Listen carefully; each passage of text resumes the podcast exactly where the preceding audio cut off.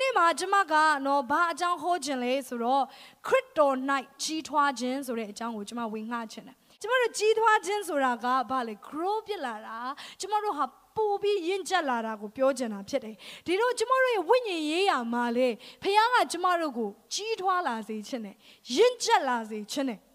ယေရှုကိုယ်တိုင်ပင်လျင်မြေကြီးမှာနေတဲ့အခါမှာသူကတဲ့လူရှိဖျားရှိမှာအစဉ်အတိုင်းကြီးထွားတယ်လို့ပြောတယ်။ဟော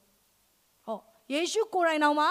အစဉ်အတိုင်းကြီးထွားလာတယ်။ဟုတ်တယ်နော်ကြီးပွားလာတယ်။ယေရှုက grow ဖြစ်လာတယ်လို့ပြောတယ်။အဲယေရှုကမွေးကလေးကနေပြီးတော့ဝုန်းဆိုပြီးတော့အသက်30အရွယ်နဲ့မွေးလာတာမဟုတ်။ဟုတ်တယ်နော်ကျမတို့လိုပဲတေးသေးလေးပဲမွေးလာတာ။ဒါပေမဲ့ तू ကတဖြည်းဖြည်းအစဉ်တိုင်းကြီးထွားတယ်ဒါရင်တော့မကောက်သူ့ရဲ့ စိတ်နေသဘောထားတွေသူ့ရဲ့ wisdom ပညာတွေဒီလေအစဉ်တိုင်းကြီးထွားလာတာဖြစ်တယ်ယေရှုကြီးထွားတယ်လို့ကျမတို့ကိုလည်းကြီးထွားဖို့ဘုရားခင်ကအလိုရှိတာဖြစ်တယ် hallelujah အာမင်အဲ့တော့ကျမတို့ကကြီးထွားမှုဆိုတာကဘာကိုပြတယ်လဲဆိုအပင်တပင်ကလေကြီးနေတယ်ဆိုတဲ့အတိတ်ပဲကလေသူကအသက်ရှင်နေတာအသက်မရှင်တော့ဘူးဆိုရင်အပင်တပင်ကမကြီးတော့ဒီနေ့လူတယောက်ကလည်းဒီလိုပဲ ကျမတို့ဟာကြီးထွားမှုမရှိဘူးဝိညာဉ်ရေးရမှာကြီးထွားမှုမရှိတော့ဘူးဆိုသိကြတယ်ကျမတို့ဝိညာဉ်ရေးကသေနေပြီဖြစ်တယ်အချွတ်သေနေတယ်လို့ပြောရင်မကြိုက်ချင်ဟုတ်လားပြောရင်လည်းအဲ့ဒါကိုမစားနိုင်ဘူးဟုတ်တယ်နော်ဒါပေမဲ့လည်းကြီးထွားမှုကြတော့မရှိဘူးအရင်ကထပ်ပိုဆိုးသွားတယ်အရင်ကတည်းကပို့ပြီးစုပ်ယုပ်သွားတယ်ကြီးထွားမှုမရှိလာတော့ဘူးဆိုရင်ကျမတို့ဒီတည် နေတာနဲ့အတူတူပဲဖြစ်တယ်အသက်ရှင်ခြင်းရဲ့လက္ခဏာသည်အစဉ်အတိုင်းကြီးထွားနေခြင်းဖြစ်တယ်အဲ့တော့နောက်တစ်ခုကကြီးထွားနေခြင်းကအသက်ရှင်ခြင်းရဲ့လက္ခဏာဖြစ်တယ်လို့ကြီးထွားနေခြင်းကကျမ်းမာခြင်းရဲ့လက္ခဏာလည်းဖြစ်တယ်သင်ဟာဝိညာဉ်ရေးမှာကျမ်းမာလားမကျမ်းမာလားကိုသိချင်ရင်သင်ဟာဝိညာဉ်ရေးမှာကြီးထွားနေသလားရက်တက်နေသလားစုပ်ယုပ်နေသလားဆိုတာကိုကြည့်ရင်သိနိုင်တာဖြစ်တယ် အဲ့တော့ကျမတို့ကဝိညာဉ်ရေးရမှာကျမ်းမာရေးကောင်းနေတဲ့သူတွေဖြစ်ဖို့ရန်အတွက်လိုတယ်ကဲလို့များတင်ဝိညာဉ်ရေးရမှာကျမ်းမာရေးမကောင်းဘူးဟာတင်ရဲ့တက်တာထဲမှာဆုံးရှုံးနေဘာကြောင့်မို့လို့လဲဆိုတင်ပြန်ပြီးစမ်းစစ်ကြည့်ဖို့လိုတယ်တင်စိတ်နေသဘောထားတယ်တင်ရဲ့ဝိညာဉ်ရေးရကျမ်းမာခြင်းမရှိတာဒီတိုက်ခိုက်မှုတွေကြောင့်လား PR တွေကြောင့်လားပြဿနာတွေကြောင့်လားအဲ့ဒီတည်းကနေကျွန်တော်ကျမဘယ်လိုမျိုးလွတ်မြောက်နိုင်မလဲဒီနေ့တင်နေကျမကြည့်ရှုဖို့ရန်အတွက်လိုအပ်တာဖြစ်တယ်ကျမတို့ဝိညာဉ်ရေးရမှာမကျမ်းမာတော့ရင် ကျမတို့ဟာမကြီးထွားနိုင်တော့ဘူးဖြစ်တယ်အဲကျမတို့ကကြီးထွားဖို့ရန်အတွက်လိုအပ်တယ်ဟာလေလုယာဆာလံကျမ်းမှာဒီလိုပြောတယ်ကျမနဲ့တူဖတ်ရအောင်ဆာလံ60နဲ့အငယ်7မှာ ဖြောင်းမတ်သောသူသည်စွန်ပလွန်ပင်ကဲ့သို့ပွင့်လန်း၍လေဗနုန်တောင်ပေါ်မှာအာရစ်ပင်ကဲ့သို့ကြီးပွားလိမ့်မည်ဟာလေလုယာဒီကျမ်းစာမှာဘာပြောလဲဆိုဖြောင်းမတ်တဲ့သူကတဲ့စွန်ပလွန်ပင်လိုပွင့်လန်းလိမ့်မယ်တဲ့လေဗနုန်တောင်မှာအာရစ်ပင်ကဲ့သို့ကြီးပွားလိမ့်မယ်ဖခင်ကဖြောင်းမတ်တဲ့သူကိုဘယ်သူနဲ့နိုင်တယ်လဲဆိုရင်ကြီးထွားတဲ့အရာနဲ့ပဲနိုင်တယ် အာမင်ဖခင်တရားဖြောင်းမတဲ့သူကိုဒီနေ့ရက်တန့်ခြင်းနဲ့ဘယ်တော့မှမနိုင်ဘူးဖြစ်တယ်တနေရာမှာ तू ရက်နေတယ်နဲ့ဘယ်တော့မှမနိုင်ဘူးဘုရားခင်ကဘုရားခင်ဖြောင်းမတဲ့သူကိုကြီးထွားတယ်အပွင့်ပွင့်တယ်အသီးသီးတဲ့အရာနဲ့နိုင်တာဖြစ်တယ်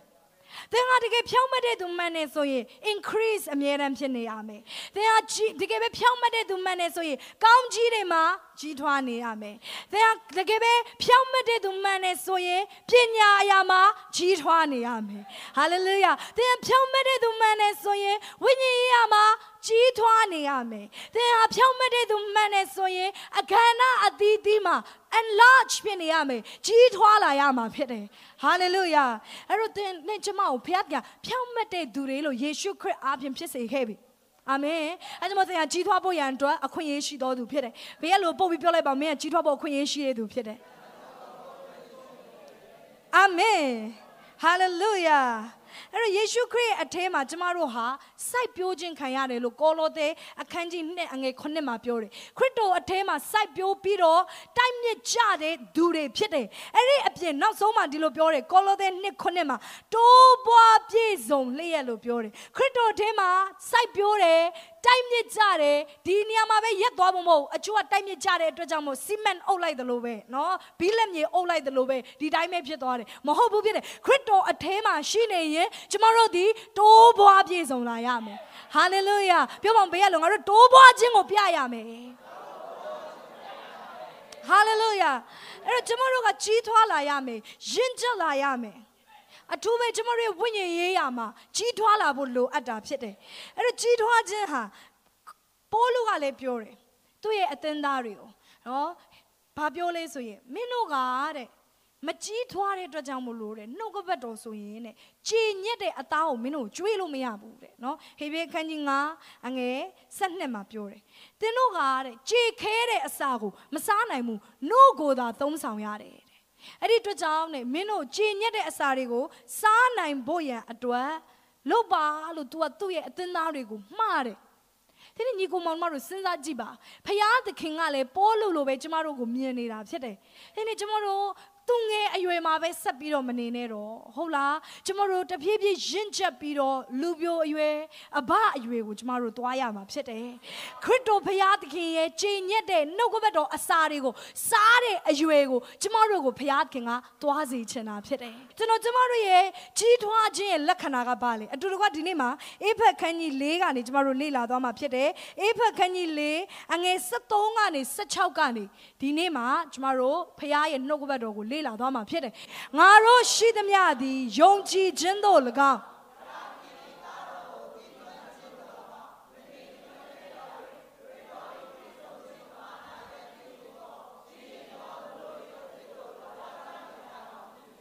အကြောင်းမူကားသူတစ်ပါးတို့သည် လူပရိယေနှင့်အပြစ်ကိုသွေးဆောင်ခြင်းငါ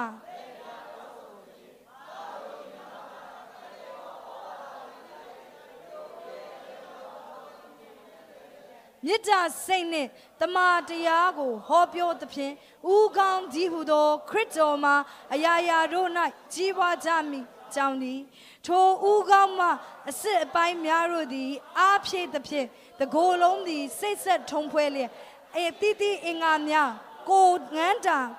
ပြုပြင်သည်နှင့်အညီမိမိကိုယ်ကိုမေတ္တာ၌တိဆောက်ခြင်းက ကြီးပွားစေတတ်၏အာမင်အဲ့တော့အေဖက်ခန်းကြီးလေးအငယ်73မှာဒီလိုပြောတယ်ငါတို့ရှိသမျှယုံကြည်ခြင်းတို့ရောက်ရဲ့တားတော်ကိုတိကျွမ်းခြင်းတို့၎င်းတညီတညွတ်သေးရောက်တယ်အခုကျမတို့အားလုံးက ယေရှုကိုယုံကြည်ခြင်းအပြင်ခရစ်တော်ကိုတည်လာတဲ့အတွက်ကြောင့်ကျမတို့အားလုံးကတညီတညွတ်တဲ့ခရစ်တော်အထဲကိုရောက်လာတယ်အာမင်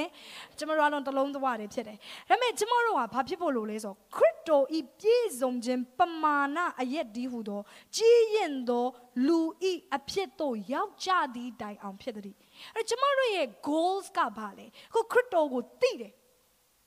ယုံကြည်ခြင်းအပြင်တည်တယ်ယုံကြည်ခြင်းအပြင်ခရစ်တော်ကိုရတယ်ဟုတ်လား ဒါပေမဲ့သင်ခရစ်တော်လိုတော့ဖြစ်သွားတာမဟုတ်သေးဘူးယုံကြည်ခြင်းအပြင်ပဲဖြစ်သေးလားသဘောပေါက်လားခရစ်တော်လိုမျိုးပြည့်စုံခြင်းကအခုကျမတို့တက်တာမှမမြင်ရအောင်အခုခရစ်ယာန်တော့ဖြစ်တယ်ဒါပေမဲ့စိတ်ရှည်လားမရှည်ဘူးဟုတ်တယ်နော်အမေကျမတို့ကခရစ်ယာန်တော့ဖြစ်တယ်ဒါပေမဲ့လူတွေကိုချစ်နိုင်လားခရစ်တော်လို့မချစ်နိုင်ဘူးဟုတ်တယ်နော်ကျမတို့ကခရစ်တော်ကိုသိတယ် ခရစ်တော်ကဘယ်သူလဲဆိုတာကိုသိလာတယ်ယုံကြည်ခြင်းအပြင်ခရစ်တော်ကိုရလာတယ်အမေခရစ်တော်နဲ့ကျမတို့ကမတူသေးဘူးဖြစ်တယ်အဲ့တော့ကျမတို့ကဘေး direction ကိုသွားရမလဲဆိုတော့ဒီကျမ်းစာကအတိအကျပြောထားတယ်ခရစ်တော်ဤပြည့်စုံခြင်းပမာဏအရက်ဒီဟုသောကြီးရင်သောလူတို့ဤအဖြစ်သောယောက်ျားသည့်တိုင်အောင်သွားရမှာဖြစ်တယ် အဲကျမတို့မှာ goals ရှိတယ်ကျမတို့ရဲ့ပန်းတိုင်ရှိတယ်အဲ့ဒီပန်းတိုင်ကတစုံတစ်ယောက်နဲ့တူဖို့ပဲမဟုတ်ဘူးအဲ့ဒီပန်းတိုင်ကခရစ်တော်နဲ့တူလာဖို့ရန်အတွက်ဖြစ်တယ်အဲခရစ်တော်ဖခင်ရဲ့ကြီးမြတ်ခြင်းအထီကိုကျမတို့ကိုသွားဖို့ရန်အတွက်ဖခင်ကအလိုရှိတယ်အဲ့တော့ကျမတို့ကသွားရမယ်အဲ့ဒီနေရာကိုအာမင် အဲ့ကျမတို့ပထမဦးဆုံးဖခင်ကသင်ပေးတာရင့်ချက်တယ်ဆိုတဲ့အရာကဘာလဲကြီးထွားလာတယ်ဝိညာဉ်ရေးရမှာလူတစ်ယောက်ကကြီးထွားလာတယ်ဆိုတာကဘာလဲခရစ်တော်နဲ့တူလာခြင်းဖြစ်တယ်အဲ့ဒီကျမတို့အသက်တာထဲမှာဒီနေ့ကျမတို့ကြီးထွားတာတကယ်မှန်တယ်ကျမတို့ဟာခရစ်တော်ရဲ့အထဲမှာကြီးထွားလာတာတကယ်မှန်တယ်ဆိုရင်ကျမတို့ခရစ်တော်နဲ့တူကိုတူလာရမှာဖြစ်တယ်အာမင်သင်ကခရစ်တော်နဲ့မတူဘဲနဲ့ကိုယ့်အကိုကြီးထွားလာတယ်လို့ပြောလို့မရ အဲ့ဒါလိန်တာပဲအချို့လူတွေကကိုယ့်အကိုပြန်လိန်တာငါရန်ကြီးထွားလာတယ်အရင်တော့ငါမဟုတ်တော့ပါဘူးအရင်တော့ငါငါအဲ့လိုမျိုးပုံမဟုတ်ဘူးတော့ငါအခုတော်တော်လေးစကားပြောတာတွေကောင်းလာပြီဟဲ့ဘာဖြစ်လဲကျမတို့ကိုယ့်ကိုချီးမွမ်းနေကြနော်ဒါပေမဲ့ကျမတို့ပြန်စဉ်းစားပါသင်ဘယ်သူနဲ့တူလာလဲအာမင်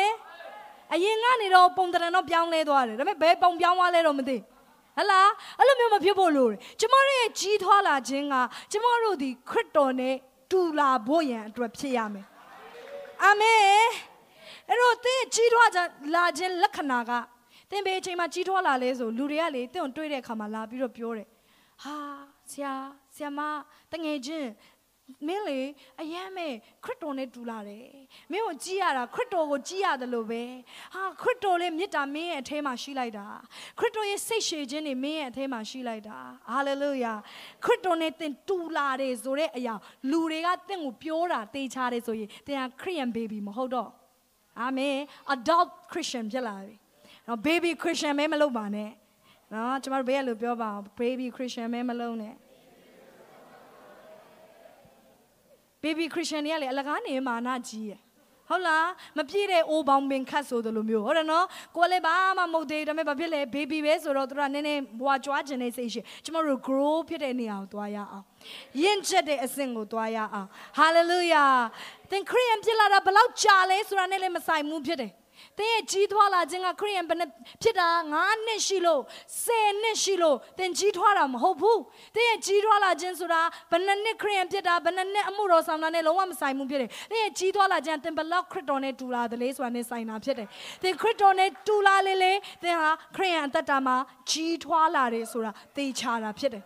အာမင်သင်ဝိညာဉ်ရေးမှာကြီးထွားလာတယ်ဆိုတာသိချလာတာဖြစ်တယ်ဟာလေလုယာအဲ့တော့ကျွန်တော်တို့ခရစ်တော်နဲ့တူတဲ့ သူတွေဖြစ်ရမယ်ခရစ်တော်နဲ့ဘယ်ကဏ္ဍတွေမှာကျွန်တော်ကျမတို့တူရမလဲခရစ်တော်နဲ့တူဖို့ရန်အတွက်လိုအပ်တဲ့ကဏ္ဍ၅ခုကျမဆွေးနွေးခြင်းနဲ့ဒီနေ့မှာပထမကဏ္ဍကတော့ဘာလဲဆိုကျမတို့ဟာခရစ်တော်ကဲ့သို့ character ရှိဖို့လိုတယ်ပထမစီကဘာလဲပြောပါအောင် character character ခရစ်တော်နဲ့တူတဲ့အကျင့်စရိုက်ရှိရမယ်ကျမတို့ကခရစ်တော်ဖခင်ကကျင်နာတတ်တယ် ကျမတို့လည်းကျင်နာဖို့လိုတယ်ခရစ်တော်ဖခင်ကပေးကမ်းတတ်တယ်ကျမတို့လည်းပေးကမ်းတတ်ဖို့လိုအပ်တယ်ခရစ်တော်ဖခင်ကခွင့်လွတ်တတ်တယ်ကျမတို့လည်းခွင့်လွတ်တတ်ဖို့လိုအပ်တယ်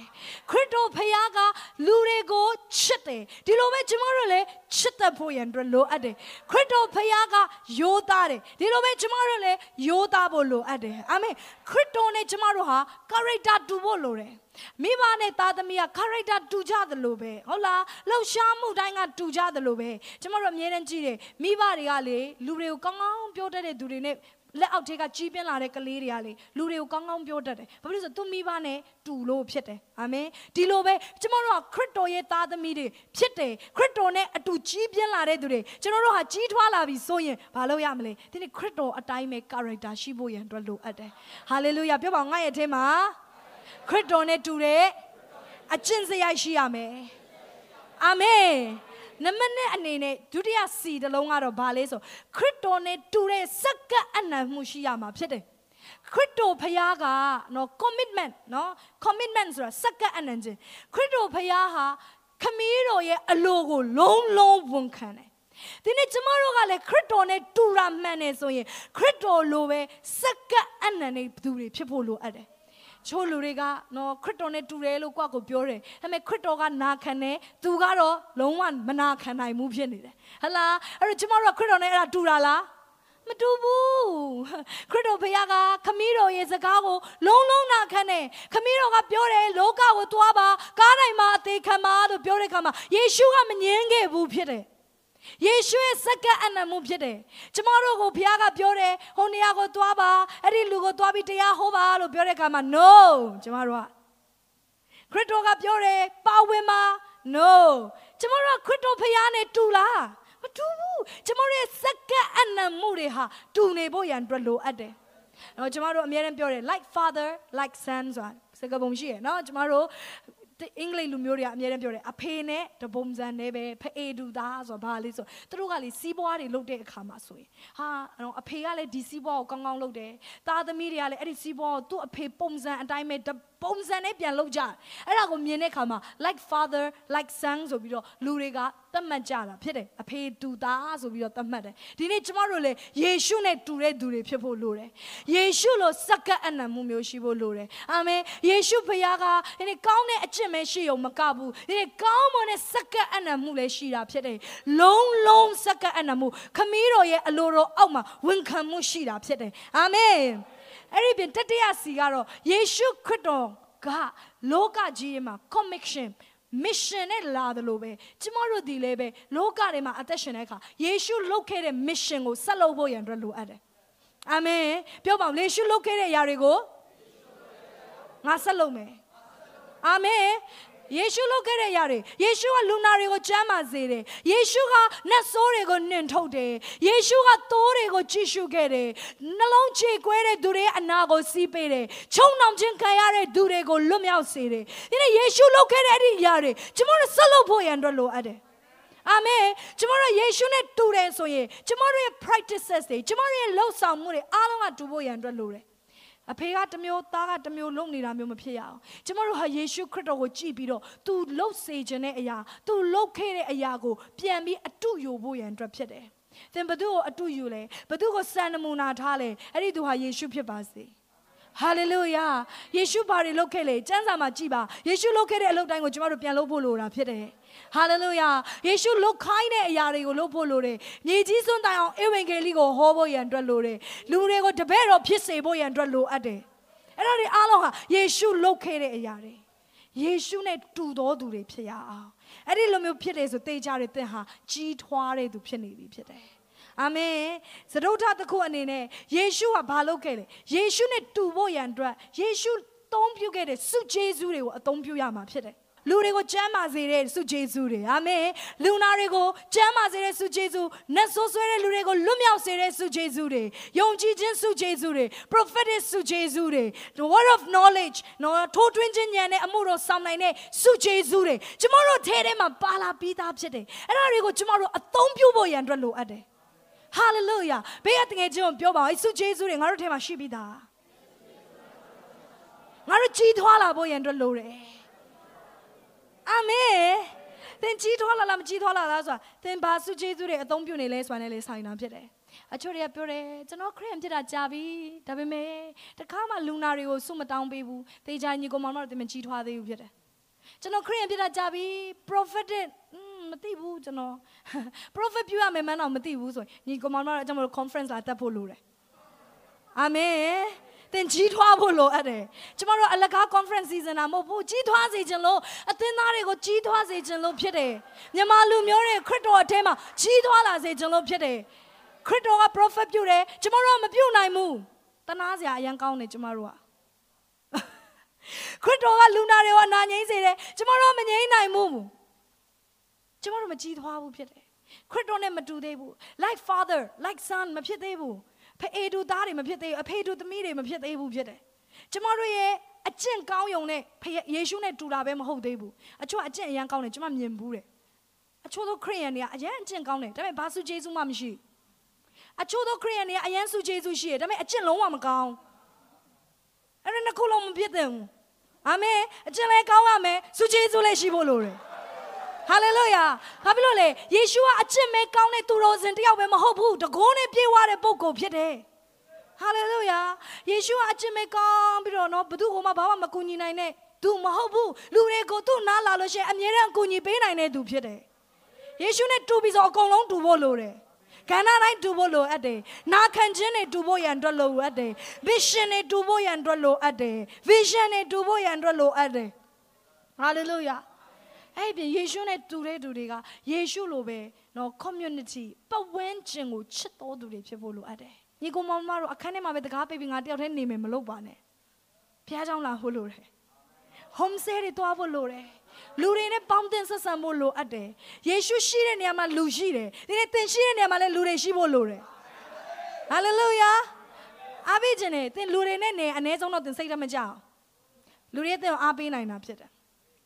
အားမပေးတဲ့သူနဲ့တော့မပေါင်းနဲ့ပေါ့ဟုတ်လားအားပေးတဲ့သူတွေအနားမှာနေပါဟာလေလုယာအာမင်ဒါတို့သင်ပညာရှိဖို့လိုတာပေါ့အာမင်ဒါပေမဲ့ကျမတို့လေတယောက်တည်းနေရင်လေတောင်တွေးမြောက်တွေးမဟုတ်တာလုံးမိကိုယ့်ကိုပြန်အပြစ်တင်ကိုယ့်ကိုပြန်သေးခြင်းစိတ်ပေါက်အဲ့နေပဲဇလန်းနေရရှုပ်နေတယ်ဟုတ်လားလူတွေနဲ့ပေါင်းတင်ဆက်ဆံဖို့လိုအပ်တယ်လူတွေကိုကောင်းချီးဖြစ်စေတဲ့သူဖြစ်ဖို့လိုအပ်တယ်အာမင်အဲ့တော့ဒီ 5C ယေရှုနဲ့တူခြင်းနဲ့ဆိုရင် 5C ရှိဖို့ရန်အတွက်လိုအပ်တယ်အာမင်အတူတူကပြောကြည့်အောင်ကျမတို့ character commitment conviction charisma community ဒီငါးခုစလုံးကျမတို့ပြည့်စုံဖို့လိုအပ်တယ်အဲ့ဒါဟာယေရှုနဲ့တူတဲ့သူဖြစ်လာအဲ့တော့အဲ့ဒီကဏ္ဍတွေမှာတိုးတက်ကြီးထွားလာဖို့ရန်အတွက်ဆန္ဒရှိရအောင်အကယ်လို့သင်ဟာဒီကဏ္ဍတွေမှာကြီးထွားလာတာနဲ့အမျှလူတွေကသင်ကိုမြင်တဲ့အခါမှာလေဟာဆရာလီဂျွန်အရင်ကြီးထွားလာပြီနော်ယေရှုနဲ့တော်တော်တူလာတယ်ဟာလေလုယာအာမင် အာမင်အဲ့အချို့လူတွေကတင့်ကြည့်တဲ့အခါခွန်အားရလာမှာဖြစ်တယ်ဟာယေရှုလိုပဲအယံနာခံတယ်ယေရှုလိုပဲကြည်စမ်းဆွန့်လွတ်တတ်တယ်ယေရှုလိုပဲသူများတွေဦးစားပေးတယ်ယေရှုလိုပဲလူတွေကိုချစ်တယ်ယေရှုလိုပဲစုကျေးဇူးတွေရှိတယ်လူတွေတင့်ကိုမြင်တဲ့ခါအတိုင်းမြင်လာပါစေကြီးထွားမှုကိုပြပါခရစ်တော်နဲ့တူတယ်ဆိုတဲ့အရာနဲ့ပြပါဟာလေလုယာဒုတိယအနေနဲ့ဒီကျမ်းစာမှာပြောတယ် ကျမတို့ဟာကြီးထွားလာတယ်ဆိုရင်ကျမတို့ရဲ့လက္ခဏာကဘာလဲဆိုလို့ရှိရင်เนาะအငယ်14မှာပြောထားတယ်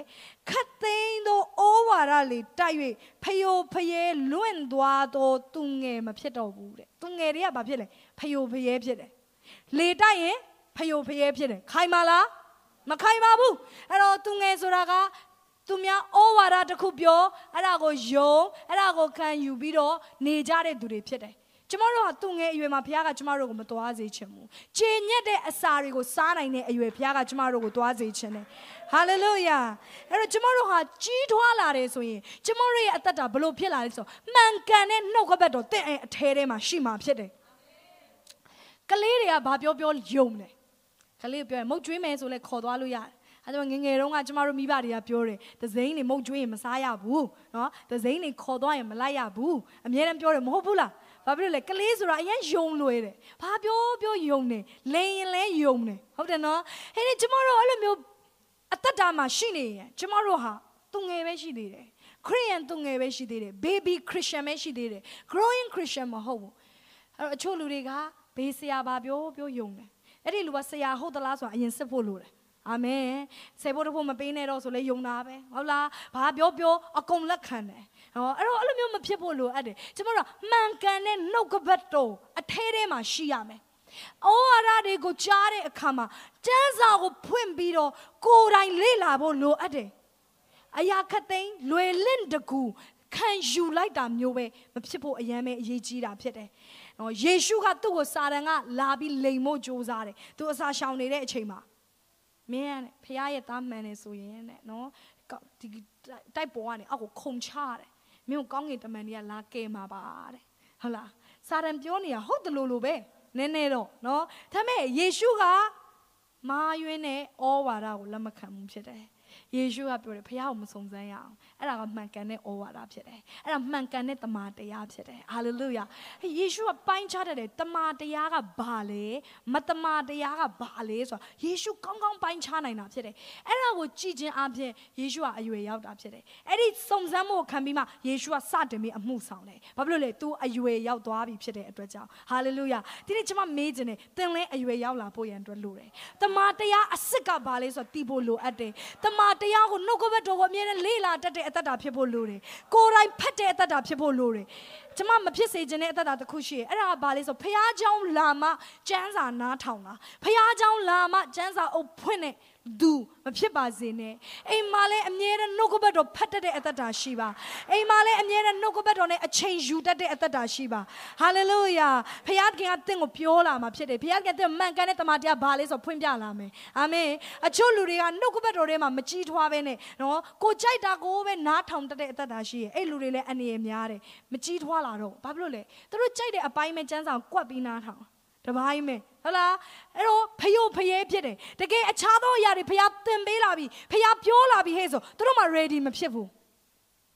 ကိုကြိုက်တဲ့အပိုင်းပဲလက်ခံနေသူမဖြစ်ပါစေနဲ့မှန်ကန်တဲ့တမာတရားအแทမှာရှိတော်သူဖြစ်ပါစေအာမင်သင်ကိုမေတ္တာစိတ်နဲ့ပြောပြပြီးတွန်းတင်နေဆိုရင်လက်ခံနိုင်တော်သူဖြစ်ပါစေအဲကြောင့်မို့ဒီအောက်မှာနော် ပြောထားတယ်အေးဖက်မှာမေတ္တာစိတ်နဲ့တမာတရားကိုဟောပြောသဖြင့်တဲ့မေတ္တာစိတ်နဲ့တင့်ကိုတမာတရားကိုပြောတဲ့အခါဒါကလေးသင်နားထောင်ခြင်းနဲ့ subject ဖြစ်ချင်မှဖြစ်လိမ့်မယ်ဟလားဒါကလေးနင်သင်မကြိုက်တဲ့ဥစ္စာနော်သင်မကြိုက်တဲ့ဂန္ဓတန်ရှင်းခြင်းတို့ဘာလို့အကြောင်းပြောရင်ဘုရားကျောင်းမှာလူတွေအရင်အိမ်ငိုက်တယ်ဟလာနောင်တရပါတို့ဘာလို့အကြောင်းပြောရင်အရင်အိမ်ငိုက်တယ်လူတွေကောင်းကြည့်ရမယ်လို့အကြောင်းပြောလိုက်မျက်လုံးတွေကျေလာ ဟာလေလုယာအယံတက်ကြွတယ်ဟာအဲ့လိုမျိုးဆိုဒါပေမဲ့အဲ့လိုမျိုးတပိုင်းပဲကြိုက်တဲ့ခရိယန်ဖြစ်လို့မရဘူးအာမင်ဒီနေ့သင်မကြိုက်တဲ့ခန္ဓာကိုမေတ္တာစိတ်နဲ့ပြောနေတယ်ဆိုရင်ခံယူရမယ်ကျမတို့ကဘာဖြစ်လို့လဲကျမတို့ကြီးထွားဖို့ရန်အတွက်ဖြစ်တယ်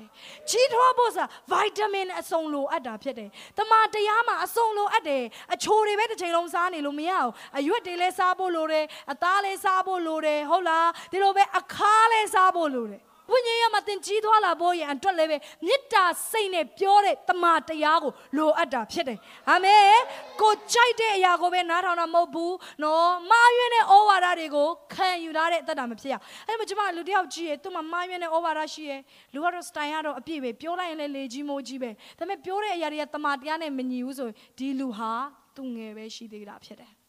လူတရားကကြီးထွားလားမကြီးထွားလားဘာနဲ့သိနိုင်လဲ တမာတရားကိုကြည့်ရင်သိနိုင်တယ်သူပါဇက်ကတမာတရားကိုပြောသလားဆိုကြည့်ရင်သိနိုင်တယ်သူဘလို့တမာတရားကိုခံယူထားသလဲဆိုကြည့်ရင်သိနိုင်တာဖြစ်တယ်ဟာလေလုယာသင်ဟာအဖို့ခပေးရမယ်ဆိုတဲ့တမာတရားမျိုးသင်သိတယ်ဆိုရင်သိကြတယ်သင်တော်တော်ကြီးမြင့်လာပြီဖြစ်တယ်အာမင်ဟာလေလုယာမှန်ကန်တဲ့ဘုရားရဲ့တမန်တရားအားလုံးကိုကျမတို့သိဖို့ရန်အတွက်လိုအပ်တယ်အာမင်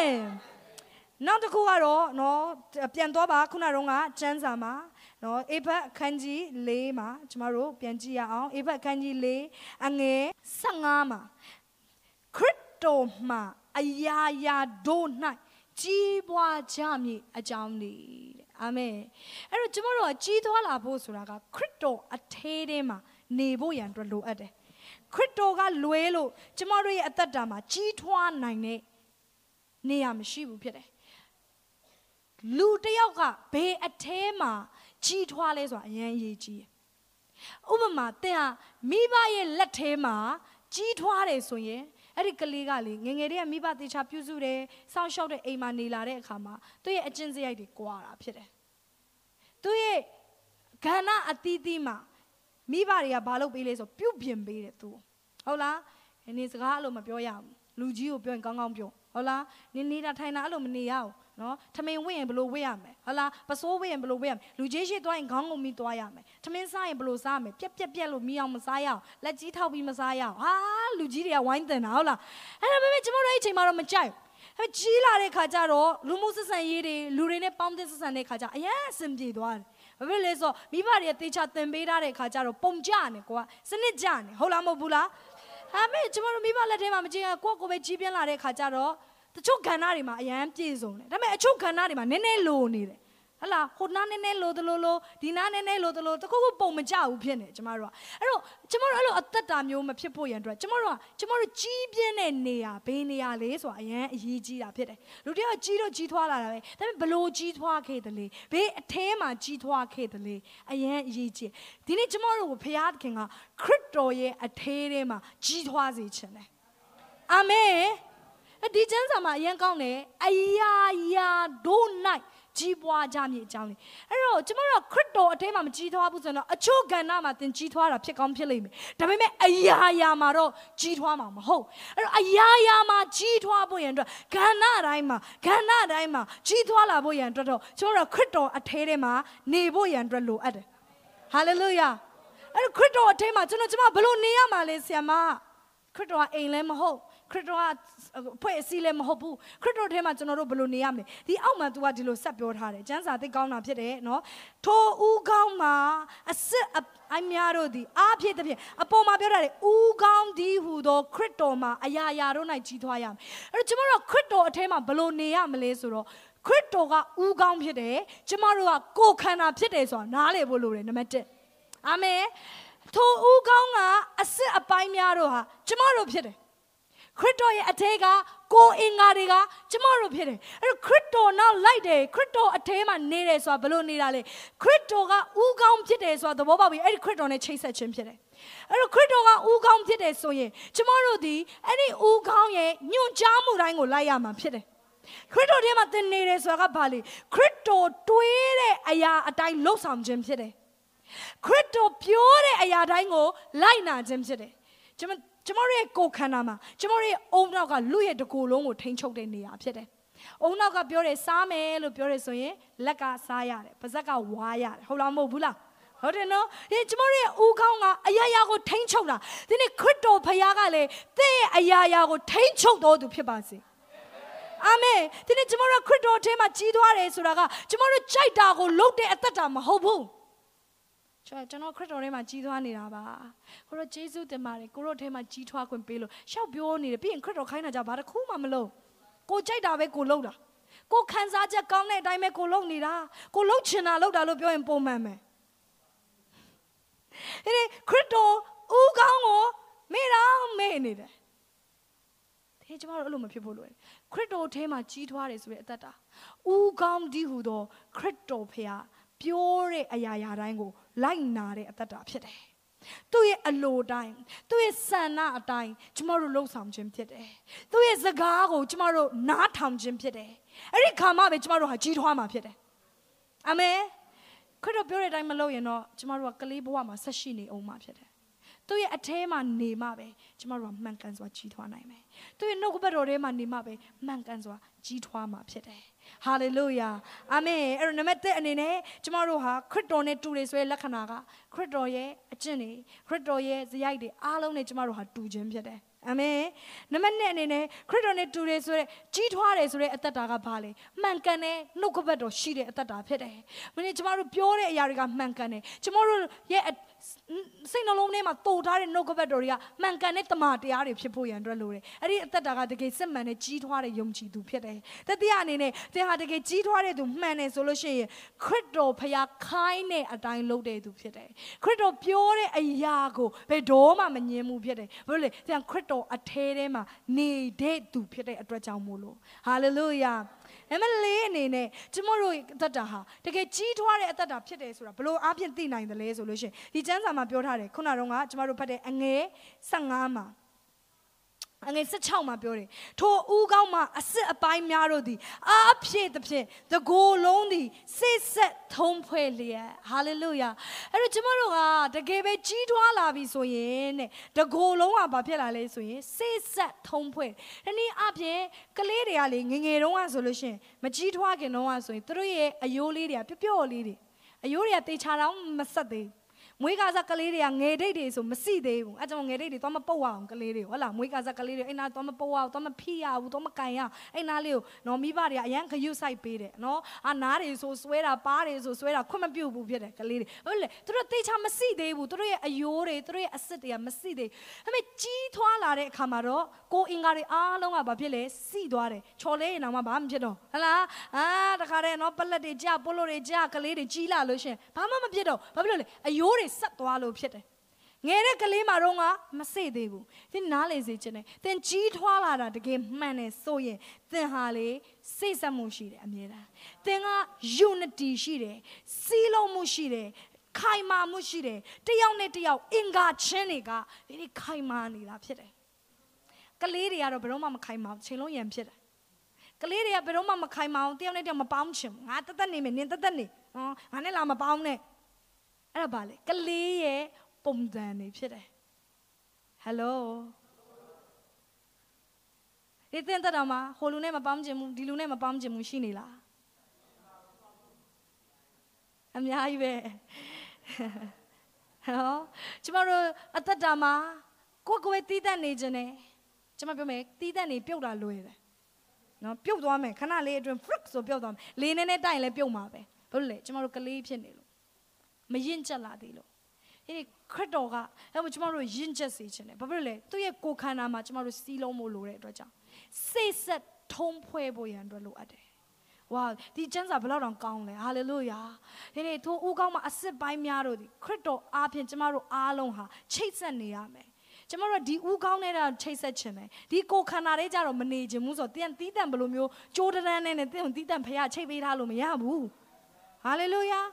လက်တစ်ချောင်းနဲ့အပြင်ထွက်နေတယ်ဆိုကြောက်စရာအရန်ကောင်းတယ်ဘာဖြစ်လို့လဲကိုခန္ဓာနဲ့ကိုယ်ရင်အလကားပဲ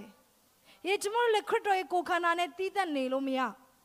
တီးသက်နေခြင်းကမရင်ကျက်ခြင်းဖြစ်တယ်ထုံးဖွဲ့မှုမရှိသေးဘူးဗရိညင်မရှိသေးဘူးသင်ရဲ့အသက်တာဒါဆိုသင်ကမရင်ကျက်သေးဘူးဖြစ်တယ်ပြောပါဦးငါရင်ကျက်တဲ့ခရိယန်ဆိုတာလူတွေနဲ့ပေါင်းတင်ခြင်းကိုကြည့်ရင်သိနိုင်တယ် ဆင်မကျွန်တော်ခရိယန်ဖြစ်တာတော်တော်ကြာပြီလေဘယ် home sale leader ဖြစ်တာတော့တော်တော်ကြာနေပြီဒါမဲ့တင်လူတွေနဲ့မတည့်ဘူးဆိုတိချာတင်ကလေးပဲဖြစ်တယ်ဝိညာဉ်ရေးရမှာကလေးပဲဖြစ်တယ်ကျမပြောတာမကြိုက်ရင်လည်းကိစ္စမရှိပါဘူးဘာလို့ဆိုအပေါ်မှာကျမပြောပြီးသားကောင်းတဲ့အစာပဲမစားနဲ့အကုန်စားရမယ်အခါလဲစားရမယ်အချိုလဲစားရမယ်ဟာလေလုယာကျမဒါမေတ္တာနဲ့ပြောတာပါတဲ့ကျမတဲ့ချောသိတဲ့တရားဟောကြတယ်အများကြီးခေါ်လို့ရတယ် အမေကျမမပြောပါဘူးဘာဖြစ်လို့လဲဆိုတော့အားလုံးတိုးတက်စေခြင်းကြီးထွားစေခြင်းလို့ဟာလေလုယာအကြီးထွားတယ်ဆိုတာကသလူတွေနဲ့ပေါင်းတင်တတ်ဖို့လိုတယ်ကြီးထွားတယ်ဆိုတာကခန္ဓာကိုယ်မှာစိတ်ဆက်ရမယ်ခိုင်မာရမယ်ဟာလေလုယာခိုင်မာတယ်ဆိုတာဘာလဲတောင်ယုံတောင်ယုံနဲ့လက်မလွတ်တာလက်ချောင်းပေါ်မှာဝုန်းဆိုပြီးအထုပ်ကြီးပြုတ်ကြအဲ့မဲ့အယိုးကြီးကမကြိုးသွားဘာဖြစ်လဲအရင်ခိုင်လို့စိတ်ဆက်ထားတာအရင်ခိုင်တခါလေမှကျမတို့တွေအသင်းတော်မှာပါဝင်ကြရဆက်ကတ်ကြတဲ့ခါ တင်းတွေတွန်းမိတာတိုက်မိတာတွေပုတ်မိတာတွေရှိပါတယ်ဘာဖြစ်လို့လဲဆိုတော့ဖိအားတွေကြောင့်အလုတ်တွေများတဲ့အတွက်ဟုတ်လားကျမတို့လူအုပ်ကြီးတဲ့သွားရင်တွန်းခံရတယ်လို့ပဲဖိအားတွေများတဲ့ကတွန်းခံရတယ်ခန္ဓာကိုယ်မှာဒါပေမဲ့ကျမတို့ခိုင်မာနေဖို့လိုတယ်တယောက်နဲ့တယောက်ကျမတို့ရင့်ကျက်တဲ့သူမှန်နေဆိုစွဲထားရမယ်ဟုတ်ပြီကွာခဏလေးနဲ့လက်လွတ်ချင်တဲ့စိတ်တွေမရှိပါနဲ့ရင့်ကျက်တဲ့သူကအမြဲတမ်းစွဲထားတာဖြစ်တယ်အမေ တော်ယုံနဲ့ငါလက်မလွတ်ဘူးလို့ဆုံးဖြတ်ရအောင်မနေ့ကဆရာကြီးဒန်နီယယ်ဟိုပြောအရင်ကောင်းတယ်ဘဝမှာနာကျင်စရာပေးတဲ့လူတွေနဲ့ကြုံရမှာပါတဲ့ဒါမဲတဲ့အဲ့ဒီလူတွေကြောင့်စိတ်တမကြပါနဲ့သင်ဘဝရှေ့ဆက်သွားရအောင်မှာပဲလေတဲ့ဟုတ်လားကျမတို့လူတယောက်စိတ်နာလို့ဒီဘဝမှာရက်လိုက်လို့မှမရတာတေတော့မယ်လို့ပြောလို့မှမရဆက်သွားရအောင်မှာခရစ်တော်သင်ကိုအိမ်ပြန်မခေါ်မချင်းဆက်သွားရအောင်မှာအာမင်အဲ့ဒီခရီးစဉ်သင်ဆုံးထိသွားခြင်းနဲ့ဆိုရင်တော့ လောကမှာနေတဲ့အချိန်မှာလူတွေခွန့်လွတ်တတ်ဖို့ရန်အတွက်ကျင့်ရမှာဖြစ်တယ်လူတွေကိုဒီနေ့နှလုံးသားထဲမှာဘယ်လိုမျိုးစိတ်ထားရမလဲဆိုတော့သင်ယူရမှာဖြစ်တယ်ဟာလေလုယာဘဝကိုတစုံတယောက်နဲ့အစင်မပြေလို့ရက်လိုက်လို့မှမရတာအာမင်ဟာလေလုယာပြီးတော့နောက်တစ်ခုဒီနေရာမှာသင်တယ်နော်အောက်မှာဆက်ပြောတယ်အတီးတီးအင်္ဂါများကိုအငန်းအတာတိုင်းပြုပြင်သည်နှင့်အညီမိမိကိုယ်ကိုမေတ္တာ၌စတိဆောက်ခြင်းငါကြီးပွားစေတတ်၏ ကြီးပွားတဲ့သူတွေကဘာရှိလဲဆိုမိမိရဲ့အင်္ဂါအတီးတီးကကိုယ့်ရဲ့အငန်းအတာရှိတယ်တဲ့တကယ်ကြီးထွားတဲ့သူမှန်နေဆိုရင်တဲ့မှာတာဝန်ရှိကိုရှိရမယ်ကျမတို့အိမ်တွေမှာပြောတယ်နင်းငငယ်တုန်းကဘေကလေးကိုမှမိဘထမင်းရှာစားပါလို့မပြောဟုတ်လားမေဘေကလေးကိုမှငငယ်တုန်းကမိဘတွေကလှုပ်ကြွေးပါလို့မပြောအမေကြီးလာရင်ပြောလာတယ်ဟဲမိသားစုပြန်ကြည့်အောင်တော့ပြောလာလား ပြောလာတယ်တာဝန်တွေယူရလာတယ်ကြီးလာတဲ့အခါဟုတ်တယ်နော်ဒါကြောင့်အားလုံးလည်းမလေးရှားကိုရောက်လာကြတာဖြစ်တယ်မိသားစုတွေတာဝန်ယူဖို့ရန်အတွက်ရောက်လာဘာဖြစ်လို့လဲကိုယ့်ကိုကြီးလာပြီလို့ခံယူလို့ဖြစ်တယ်ဟုတ်တယ်နော်အာမင်အဲ့ဒီ concept ကိုတော့အလုံးနားလည်မယ်လို့ယုံကြည်တယ်အဲ့တော့ဒီလိုပဲဝိညာဉ်ရေးရမှာလဲကြီးထွားလာရင်ဒီနေ့ကျွန်မတာဝန်ယူရမယ်ဘာမှတာဝန်မယူဘဲနဲ့ကျွန်တော်ကဝိညာဉ်ရေးမှာရင်းရင်းချက်တယ်ပြောလို့မရအဲ့ for တာကျွန်မမယုံဘူးဖြစ်တာဒီနေ့တင်ဝိညာဉ်ရေးမှာတကယ်ရင်းချက်လာရင် လူတွေကိုတင်တာဝန်ယူရမယ်လူတွေကိုပြုစုတဲ့တာဝန်ယူရမယ်အားပေးခြင်းနဲ့ဒီမှာရှိတဲ့အသင်းသူသင်သားတွေအားလုံးဒီဝိညာဉ်ရေးရမှာစတင်ပြီးတာဝန်တွေယူရအောင်ဟာလေလုယာတေးသေးလေးကနေစယူကြည့်ပါအာမင်သင်ကြီးလာတဲ့နဲ့မြပိုကြီးတဲ့တာဝန်တွေသင်ထမ်းလာရမှာဖြစ်တယ်အတင်းတော်စကားစကားကျမဘုရားတင်တာဝန်တွေအများကြီးမအပ်ဘူးကျမဝိညာဉ်ရေးကငယ်သေးတဲ့အတွက်ကျမ home stay ပဲအပ်တယ်လူ၁၀ယောက်ပဲရှိတယ်ကျမရဲ့ home stay မှာ ဒါပေမဲ့ဖခင်ကလေအဲ့ဒီတာဝန်ကိုကျမထမ်းရင်းနဲ့ကျမရင့်ကျက်လာတာနဲ့အမျှဖခင်ကကျမနည်းနည်းပိုလေးတဲ့အရာထပ်ပေးတယ်ယောဆာရာအေးမင်းဒီထက်ပိုလေးတာထမ်းအယောက်30ဖြစ်လာတယ်အဲ့နဲ့ကျမဘုရားသခင်ကအဲ့ဒါပဲအပ်တယ်ဘာမှမအပ်ဘူးဘာလို့လဲဆိုတော့ကျမအရွယ်မရောက်သေးလို့ဖြစ်တယ်အဲ့နဲ့ကျမဘုရားသခင်ဆက်ပြီးကြီးထွားအောင်ပြုတ်ပြင်းနေအဲ့ဒီခါမှာကျမနည်းနည်းကြီးလာတဲ့ခါဟိုဘုရား150အပ်လာတယ်200အပ်လာတယ်300အပ်လာတယ်400အပ်လာတယ်900အပ်လာတယ်ဘာဖြစ်လို့လဲကျမကြီးထွားလာတာနဲ့အများ ဘုရားရဲ့အနံနဲ့တာဝန်တွေလည်းများလာတာဖြစ်တယ်မှန်တယ်အသင်းတော်ဆိုတာကျမအတွက်ကောင်းကြီးလေးဖြစ်တယ်လို့ကျမအတွက်တာဝန်လေးဖြစ်တယ်တယောက်ချင်းစီတိုင်းဘလို့တွင်တင်ခဲ့လဲတယောက်ချင်းစီတိုင်းကိုမပြောခဲ့တဲ့အရာတွေတယောက်ချင်းစီတိုင်းကိုပြောခဲ့တဲ့အရာတွေအားလုံးတော့ဖခင်နဲ့ကျွန်မပြန်ရှင်းရမှာဖခင်ရဲ့ရှေ့မောက်မှာမတရတာဝန်ဖြစ်တယ်အသင်းတော်ဆိုတာဒါပေမဲ့ကျွန်မကြီးလာလို့ဖခင်ကကျွန်မကိုအပ်လာတာဒီနေ့သင်ကဝိညာဉ်ရေးမှာကိုယ့်ကိုအရင်ကြီးထွားတယ်လို့မြင်နေဆိုရင်ဒီနေ့တာဝန် ရှိသလားဘာတာဝန်မှမရှိဘူးဖခင်ကြောင့်လာရင်လည်းတာဝန်မယူကိုစားတဲ့ပကံလေးတော့မှကောင်းကောင်းလေးတသက်ရရမထားခဲ့ဟုတ်လားဒါမှမဟုတ်ရင်လေနော်ပတ်ဝန်းကျင်မှာလူတယောက်လိုအပ်ချက်ရှိနေတယ်လက်ကလေးပုတ်ပြီးတော့အားပေးစကားမပြောအပြုံးလေးတစ်ခုတော့လူတယောက်ကိုမပေးဘူးဆိုရင်သင်ဘာတာဝန်မှမရှိဘူးပဲတာဝန်မရှိဘူးဆိုတဲ့အဓိပ္ပာယ်ကမရင်ချက်သေးဘူးမကြီးထွားသေးဘူးဒီနေ့ဒီအိမ်ဟာမိတ်ဆွေရဲ့အိမ်ဖြစ်တယ် ကျမတို့အားလုံးအတီးတီးတာဝန်ယူရအောင်အာမင်ကဏ္ဍအတီးတီးမှာတာဝန်ယူကြဘာလို့လဲကျမတို့ကယဉ်ကျက်တဲ့ခရိယန်တွေဖြစ်တယ်ဆိုတာပြသရအောင်အတင်းတော်တစ်ခုကိုသွားတယ်အတင်းသားတွေဟာယဉ်ကျက်လားမယဉ်ကျက်လားကြည့်ရင်ဘာကိုကြည့်ရင်သိနိုင်လဲဆိုသူတို့ဘယ်လောက်တာဝန်ယူလဲဆိုတာကြည့်ရင်သိနိုင်တာဖြစ်တယ်ယဉ်ကျက်တဲ့ခရိယန်တိုင်းဟာတာဝန်ယူတယ်သူများကိုတာဝန်ယူတယ် home say member တယောက်ကိုကိုတာဝန်ယူတယ်ဘုရားကျောင်းအမြဲတမ်းခေါ်လာတယ်ဒါတာဝန်ယူခြင်းဖြစ်တယ်တင်းရဲ့ရင့်ချက်ခြင်းဖြစ်တယ် hallelujah ဟေးလူတယောက်ကိုတင်တာဝန်ယူတယ် conference fees တွေပေးပေးပြီးတော့လာတက်ပါသူ့ကိုကိုတာဝန်ယူပေးတယ်ဒါတွေကဘာလဲကျမတို့ရဲ့ရင့်ချက်ခြင်းပြသတာကျမတို့ရဲ့နှလုံးသားရဲ့ကျေပြောခြင်းကိုပြသတာဖြစ်တယ်အာမင်အဲ့တော့ဒီမှာပြောတယ်လူအတီးတီးအင်္ဂါများကိုယ်အငန်းအတာကိုယ်အတိုင်းအားလုံးမှာအငန်းအတာရှိရမယ်ပြောပါအောင်အားလုံးမှာအလုတ်ရှိရမယ်ဒီထဲမှာခရစ်တော်ကအလုတ်မပေးထားတဲ့လူတယောက်မှမရှိအလုတ်ပြုတ်တဲ့လူတယောက်မှမရှိ အလုတ်ရှိကြတယ်ဒါပေမဲ့အလုတ်မလုတ်တာပဲခတ်တာတထေးစီမှာလေကွာအလုတ်လေးရထားပြီတော့အလုတ်သွားမလုတ်ရင်လာစားရမလားမရဘူးအချို့ခရိယန်တွေကလေဘာဖြစ်လို့ကောင်းကြီးမရလဲဘာဖြစ်လို့ဘုရားကငါ့ကိုကောင်းကြီးမပေးရဖေးပေးမလေဘာမှမမလုတ်တာကျမမေးချင်တယ်ကောင်းကြီးကြတော့မျောတယ်နော်ခရစ်တော်ခိုင်းတာကြတခုမှမလုတ်သူတို့ဒီလိုများထင်လားမသိတောင်းတိုင်းဖះအလကားပေးမယ်လို့ထင်တာနည်းနည်းပါလိုက်နာဖို့လို့လိုတယ် secret တော့လို့ပြောတင်းတို့ဒီငါနိုင်တယ်ငါစကားဒီတင်းတို့နိုင်တင်နေတင်းတို့ဒီတောင်းချင်သမျှကိုတောင်းရကြတယ်အတိတ်ပဲဘာလဲသူစကားတော့ကျမတို့တဲမှာတီးဖို့လိုတယ်သူပြောတာတွေကိုကျမတို့လုံနေဖို့လိုတယ်နားထောင်နေဖို့လိုတယ်အာမင်အားလုံးမအလုပ်ရှိလားရှိပါတယ်တထေးပေးတဲ့အလုပ်ပဲမဟုတ်ဘူးဈေးရောင်းတဲ့အလုပ်ပဲမဟုတ်ဘူးပကံစေးတဲ့အလုပ်ပဲမဟုတ်ဘူးဟာလေလုယာကာကာကုမ္ပဏီမှာလုပ်တဲ့အလုပ်ပဲမဟုတ်ဘူးဒီနေ့ကျမတို့ရဲ့အလုပ်ဒီ ခရစ်တော်ပြောတာကိုလုပ်ဖို့ဖြစ်တယ်ကျမတို့ရဲ့အားလုံးမှာအင်္ဂါတိုင်းမှာတာဝန်ရှိတယ်လက်မှာလက်တာဝန်ရှိတယ်မျက်စိမှာမျက်စိတာဝန်ရှိတယ်ခြေထောက်မှာခြေထောက်တာဝန်ရှိတယ်ဗိုက်မှာဗိုက်တာဝန်ရှိတယ်သွားမှာသွားတာဝန်ရှိတယ်အားလုံးကတာဝန်ရှိကြဒီနေ့ကျမတို့အားလုံးကလေတာဝန်ရှိတဲ့ပုံကိုယ်တွေဖြစ်တယ်ဟာလေလုယာအာမင်အဲ့တော့ဆရာဇော်လေးအောင်တစ်ခါပြောရကျမကြားဘူးတယ်အရင်ခွာရတယ်ခန္ဓာကိုယ်မှာတဲ့နော်အရေးမကြီးဘူးထင်ထားတယ်တဲ့ အစိတ်အပိုင်းတွေရှိတယ်တဲ့နော်အဲ့တော့အဲ့အစိတ်အပိုင်းတွေကဥပမာကျမတို့ကိုယ်ခန္ဓာထဲမှာရှိတာတော့ကျမတို့မသိဘူးမုတ်ချိုအိတ်လိုမျိုးနေရမုတ်ချိုအိတ်ဆိုအလုံးတည်း pancreas နော်အဲ့တော့ pancreas ဆိုရင်ဘာအတွက်တောင်းတာဝန်ရှိမှမသိကိုယ့်ရဲ့ကိုယ်ခန္ဓာဟဲ့မေ pancreas ကမကောင်းတော့ဘူးဆိုရင်တဲ့စီလေးတစ်စက်ဝင်အောင်သိနိုင်တယ်တဲ့ pancreas အလုံးမလုပ်တော့ဘူးဆိုရင်ဟုတ်လားအဲ့တော့ကိုကတော့မသိဘူးကိုအရေးကြီးတယ်ထင်တာတော့ ဦးတို့ဟုတ်လားကြောက်ကတ်တို့အစာအိမ်တို့အဲ့ဒါတွေတော့ပဲအရေးကြီးတယ်ထင်တာမို့ချိုအိတ်ဆိုတာကွက်ကွက်တော့မသိဒါပေမဲ့ तू မှလည်း तू တာဝန်နဲ့ तू ရှိတယ် तू အလုပ် तू မလုပ်တော့စီတစ်စက်တောင်စားလို့မရအောင်စားပြီဆိုတာနဲ့သိတာအဲ့တော့ကြည်စမ်းကျမတို့အားလုံးဒီထဲမှာအားလုံးကကိုယ်ခန္ဓာချင်းတွေဖြစ်တယ်အချို့ကလက်တွေအချို့ကခြေထောက်တွေအချို့ကဦးတွေပုံစံအမျိုးမျိုးတွေကျမတို့စုကျေးဇူးတွေမတူကြအောင်လုံနိုင်တဲ့အရာတွေမတူတော့ဒါပေမဲ့အငန်းတာတွေအသီးသီးရှိကြတယ် အဲ့ဒီထဲမှာတစုံတယောက်ကအလုံးမလုံးတော့ဘူးဆိုရင်အားလုံးကိုထိခိုက်မှုရှိတာဖြစ်တယ်အဲ့ကျမတို့ကြီးထွားလာတဲ့သူတွေဟာကိုယ့်ရဲ့အငန်းတာကိုတာဝန်ကိုထမ်းဆောင်ရမှာဖြစ်တယ်အာမင်ဟာလေလုယာပြီးတော့ဒီနေရာမှာဆက်ပြောတယ်မိမိကိုယ်ကိုမေတ္တာ၌တိဆောက်ခြင်းကကြီးပွားစေတတ်၏ဒီကျမ်းစာလေးအရင်ပြည့်စုံလို့လို့ကျွန်မအရင်သဘောကျ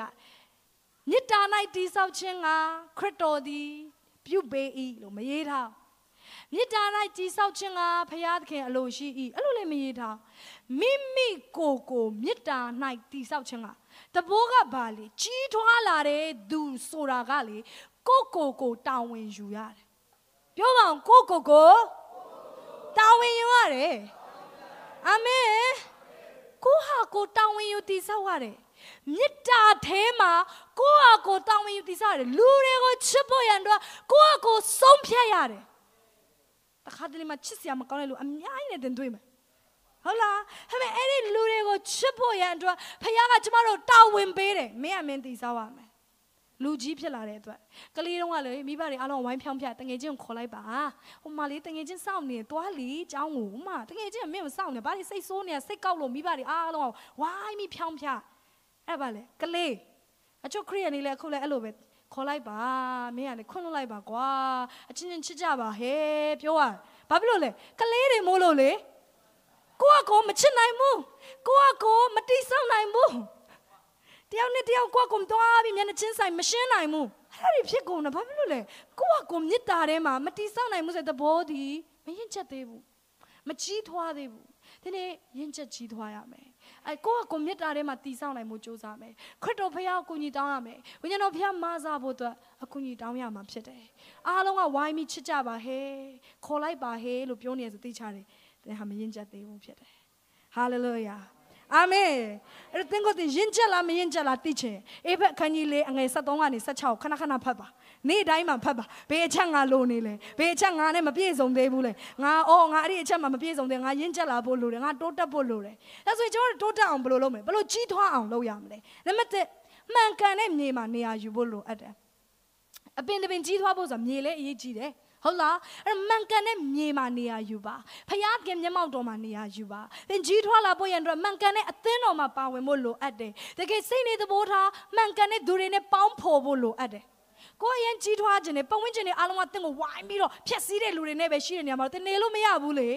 ဟုတ်လားနှုတ်ကပတ်တော်မရှိတဲ့နေရာမှာသင်နေလို့မရဘူးစူးတွေပေါ်များတဲ့မြေမှာသင်နေလို့မရဘူးမှန်ကန်တဲ့မြေကောင်းတဲ့မြေယေရှုဥပမာပေးသလိုပဲဟုတ်လားကောင်းတဲ့မြေမှာနေအစ30အစ60အစ100 တိုးပွားလိမ့်မယ်မှန်ကန်တဲ့မြေမှာနေရာယူပါဒုတိယအနေနဲ့သင်ချီးထွားလာဖို့ရန်အတွက်ရေလောင်းခြင်းခံယူဖို့လိုအပ်တယ်အပင်တစ်ပင်ကြီးလာဖို့ရန်အတွက်ရေရှိတဲ့နေရာမှာစိုက်ပျိုးဖို့လိုတယ်ရေအမြဲတမ်းလောင်းပေးဖို့လိုတယ်နှုတ်ကပတ်တော်ရဲ့ရေနဲ့ကိုယ့်ကိုယ်ကိုအမြဲတမ်းအလောင်းခံဖို့လိုတယ်အေးဝိညာဉ်တော်ရဲ့ရေနဲ့အလောင်းခံဖို့ရန်အတွက်လိုတယ်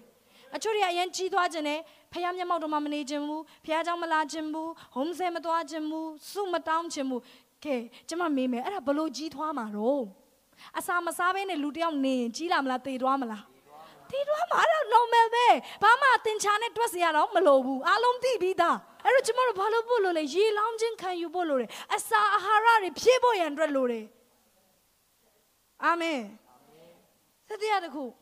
အပင်တပင်ကြီးသွားဖို့ရန်အတွက်ပေါင်းတင်ပေးဖို့လိုတယ်ပေါင်းတင်နေဆိုတာလေဘေးနားကမကောင်းတဲ့ အမိုက်တရိုက်တွေဖယ်ပေးရတယ်ပိုးကောင်တွေကိုဖယ်ပေးရတယ်ဟုတ်လားခတ်လို့ရတယ်အပင်တွေကိုကြီးလာစေခြင်းညှက်ပေးရတယ်အညွန့်လေးတွေချိုးလိုက်ရတယ်အညွန့်အကိုင်းလေးတွေကိုနော်တန့်ရှင်းအောင်ထားပေးရတန့်ရှင်းရေးလုပ်ပေးရတယ်ပေါင်းတင်ပေးရဒီလိုပဲကျမတို့တက်တာကြီးထွားလာဖို့ရန်အတွက်လေပြုတ်ပြင်ပေးရတယ်ပြုတ်ပြင်ခြင်းခံယူဖို့လိုတယ်ခါတဲ့နှုတ်ကပတ်တော်တွေတခါလေးစားဖို့လိုတယ်ကိုမှမပြည့်စုံသေးတဲ့အရာတွေလူတွေထောက်ပြတာနားထောင်ဖို့လိုတယ် သင်ယူဖို့လိုတယ်ငါဘာမားနေလဲဆိုတာကိုကြားချင်ဖို့လိုတယ်ပေါင်းတင်ပေးတာဒါမှပဲကျမတို့ကကြီးထွားလာမှာလူတယောက်ကလေငါ့ကိုဘာမှလာမပြောနဲ့ငါအမားလာမပြောနဲ့လို့ပြောတယ်ဆိုသိကြတယ်သူဟာဒီထက်ပိုပြီးမတိုးတက်နိုင်တော့ဒီနေရာမှာသွားတော့မှာဒီဇလန်းနဲ့ဒီနေရာမှာပြီးသွားပြီသူဘွား ကျမတို့ကတော့လို့မဖြစ်ချင်ကျမကျမအမြဲတမ်းတိုးတက်ချင်တယ်ကျမရဲ့ဘဝမှာကျမအခုနေရာမှာပဲကျမမနေချင်ဘူးဒီတက်ပို့ပြီးတော့ဖခင်အသုံးပြုလို့ရပြီးတော့ဖခင်သခင်ရဲ့ဘုန်းတော်ထင်ရှားတဲ့သူဖြစ်ချင်တယ်အဲ့ဒီတော့ကျမကိုပြုတ်ပြင်ပေးတဲ့အရာရာတိုင်းကိုကျမလက်ခံမှုဆုံးဖြတ်တယ်ပေါင်းတင်ပေးပါတခါလေးနားတယ်အချိုးခံရတယ်တခါလေးမျက်ရည်ကျရတယ်ဒါပေမဲ့အဲ့ဒါတွေအားလုံးကဖခင်တင်ပေးနေတာဖြစ်တယ်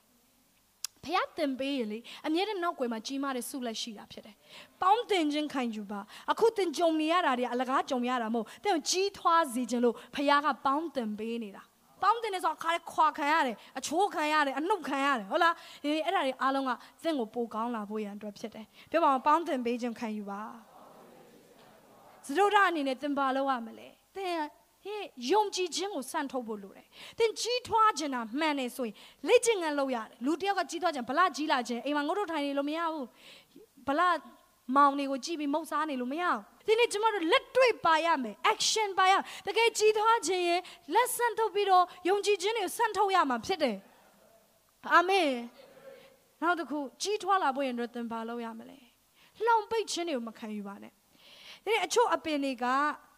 grow မဖြစ်အောင်ဘာလုပ်လိုက်တယ်လဲဆိုစိုက်ပျိုးရေးသမားတွေကသစုံတစ်ခုနဲ့လှောင်ပိတ်လိုက်တယ်သူတို့